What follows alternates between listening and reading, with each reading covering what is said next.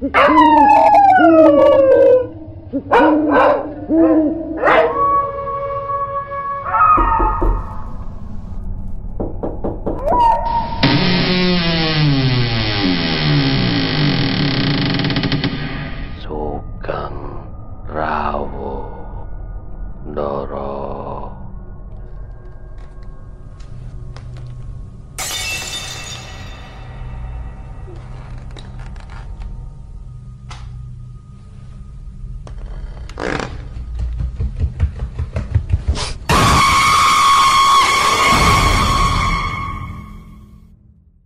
Satu Suro Activity. Assalamualaikum warahmatullahi wabarakatuh. Selamat malam. Rahayu, Rahayu, Rahayu. Para pendengar Satu Suro Activity Saya, Panembahan Dokter Mistik. Di episode Menghilang di Alas Purwo bagian 1 sebelumnya Alas Purwo merupakan salah satu hutan purba yang sangat sakral dan wingit bagi masyarakat Jawa. Karena dipercaya di Alas Purwo ada sebuah kerajaan gaib yang luar biasa yang dihuni berbagai macam jin. Jika ada seseorang yang melakukan tindakan yang melanggar norma, maka biasanya orang yang melanggar tersebut akan mengalami sesuatu yang mengerikan. Pintu tenda mereka masih tertutup rapat, tapi aku tidak lagi melihat bayangan mereka. Buru-buru kubuka pintu tenda itu, dan ternyata mereka menghilang. Baju dan pakaian dalam mereka masih tergeletak di sana. Aku panik, lalu berteriak memanggil nama mereka. Ku ambil senter dari dalam tenda, lalu ku sorotkan ke pasir.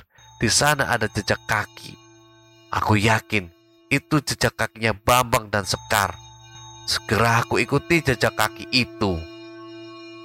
Ternyata mengarah ke anak tangga, dan di anak tangga kulihat ada kembang melati yang berserakan. Aku yakin ini adalah sebuah petunjuk dengan memberanikan diriku ikuti taburan kembang melati itu. Semakin ku ikuti, semakin aku masuk ke dalam hutan alas purwo.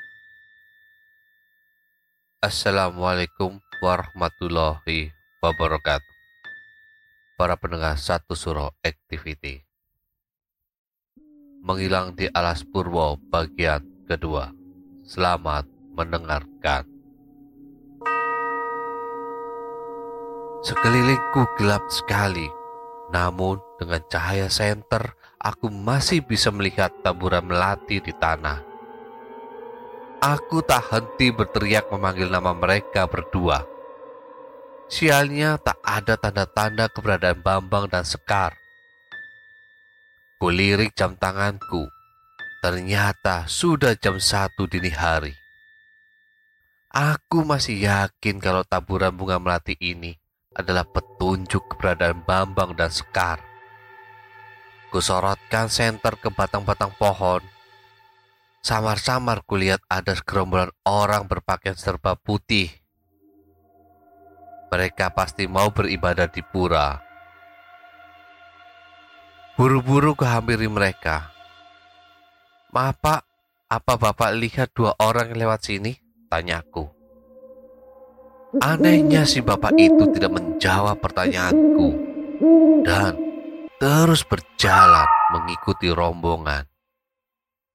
Dan gak lama kemudian, mereka semua berhenti serentak. Aku masih memperhatikan tingkah mereka. Lalu, kepala mereka tiba-tiba berputar 180 derajat. Hingga semua orang di sana melihat ke arahku. Sambil tersenyum mengerikan. Mata mereka melotot semua. Aku kaget dan langsung lari terpirit-pirit. Manusia tidak mungkin bisa memutar kepalanya hingga sampai ke punggung. Mereka semua pasti makhluk halus penghuni alas purwo. Aku lari sekuat tenaga tanpa arah tujuan, menjauh dari rombongan tadi. Cahaya senterku tak mampu menyinari jalan karena semakin lama hutan ini semakin berkabut. Rasanya aku semakin tersesat saja. Setelah beberapa saat lari tanpa arah, aku pun mulai kelelahan. Masih dalam keadaan nafas terengah-engah, ku perlambat langkahku. Aku berusaha untuk mencari kembang melati tadi. Tapi kok nggak ada? Aku pun melanjutkan perjalanan. Entah mau ke mana, aku merasa diriku malah semakin tersesat. Sekitar 30 menit, aku melihat sebuah gua. Di gua itu ku dengar suara orang meminta tolong. Aku sangat kenal suara itu. Itu adalah suara Sekar. Buru-buru ku hampiri gua itu. Dan pas aku masuk ke dalam gua, anehnya tidak ada siapa-siapa di sana. Aku hanya melihat banyak sekali sesajen, kembang melati, dan sebuah batu yang dibungkus menggunakan kain berwarna putih. Aku berteriak memanggil-manggil nama Bambang dan Sekar. Sama sekali tidak ada tanda-tanda keberadaan mereka. Aku curiga kalau yang teriak barusan itu bukanlah Sekar. Tapi makhluk halus yang menyerupai Sekar. Karena takut, aku pun keluar dari dalam gua itu. Dan Ternyata di luar sudah ada seorang lelaki parubaya. Aku mengembuskan napas lega karena dia adalah lelaki yang sempat aku temui saat sholat di musola. Aku minta tolong pada lelaki itu, tapi tatapannya datar. Dia menoleh ke wajahku dan berkata, "Kedua temanmu itu sudah membuat penghuni alas purwo ini marah. Lalu apa yang harus aku lakukan, Pak? Tolong temukan teman-teman saya, Pak. Aku memohon. Kau pergi saja ke arah barat. Nanti kau akan menemukan mereka di sana. Dan ingat, apa pun yang terjadi, saranku, jangan menoleh ke belakang. Teruslah jalan sampai kau menemukan teman-temanmu itu, kata lelaki itu. Pas aku menoleh lagi ke lelaki tadi, ternyata dia sudah menghilang entah ke mana. Aku benar-benar kaget, padahal barusan dia masih ada di sampingku. Tak pikir panjang lagi, aku menuruti perkataannya. Aku mulai berjalan ke arah barat. Entah apa yang akan kutemui di sana. Semoga saja lelaki tadi benar kalau aku bisa menemukan Bambang dan Sekar. Sekitar 20 menit kemudian, aku mendengar suara langkah seseorang mengikutiku. Aku ingat pesan lelaki parubaya. Apa pun yang terjadi, Jangan menoleh ke belakang. Saat aku berhenti, suara langkah kaki itu juga berhenti, dan tiba-tiba saja ada seseorang yang menyapaku dari belakang. Halo, begitu sapanya. Itu suara seorang lelaki yang sangat mengerikan. Aku sama sekali tidak berani menoleh ke belakang dan terus berjalan ke arah barat. Semakin lama aku mendengar suara langkah kaki itu semakin banyak. Itu seperti rombongan orang yang mengikutiku. Jujur, saat itu aku semakin takut saja. Sekuat tenaga, aku pun berlari. Aku tak peduli dengan rombongan yang terus-terusan mengikutiku. Sekitar 20 menit berlari, tenagaku semakin terkuras. Kemudian aku melihat ada sebuah rumah panggung. Aneh, kenapa ada rumah di tengah hutan seperti ini? Tampak dari jendela rumah itu sebuah cahaya lampu canting dan bayangan wanita yang berlalu lalang. Aku menyangka pasti itu adalah rumah seorang warga.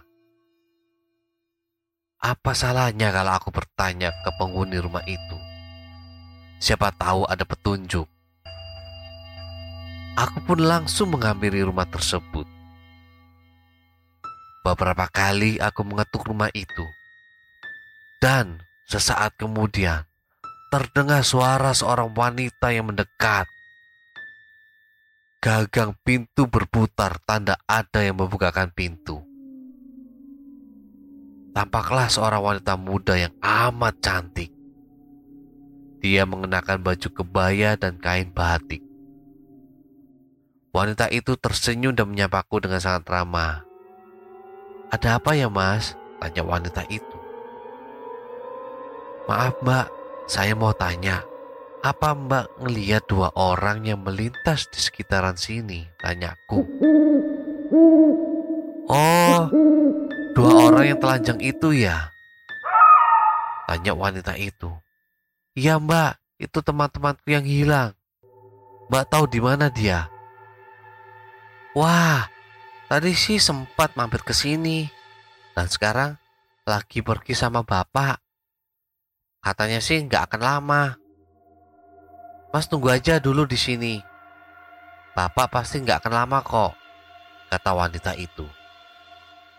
Dia pun mempersilahkanku untuk masuk. Nama wanita itu ternyata Bella. Dia sangat ramah dan cantik.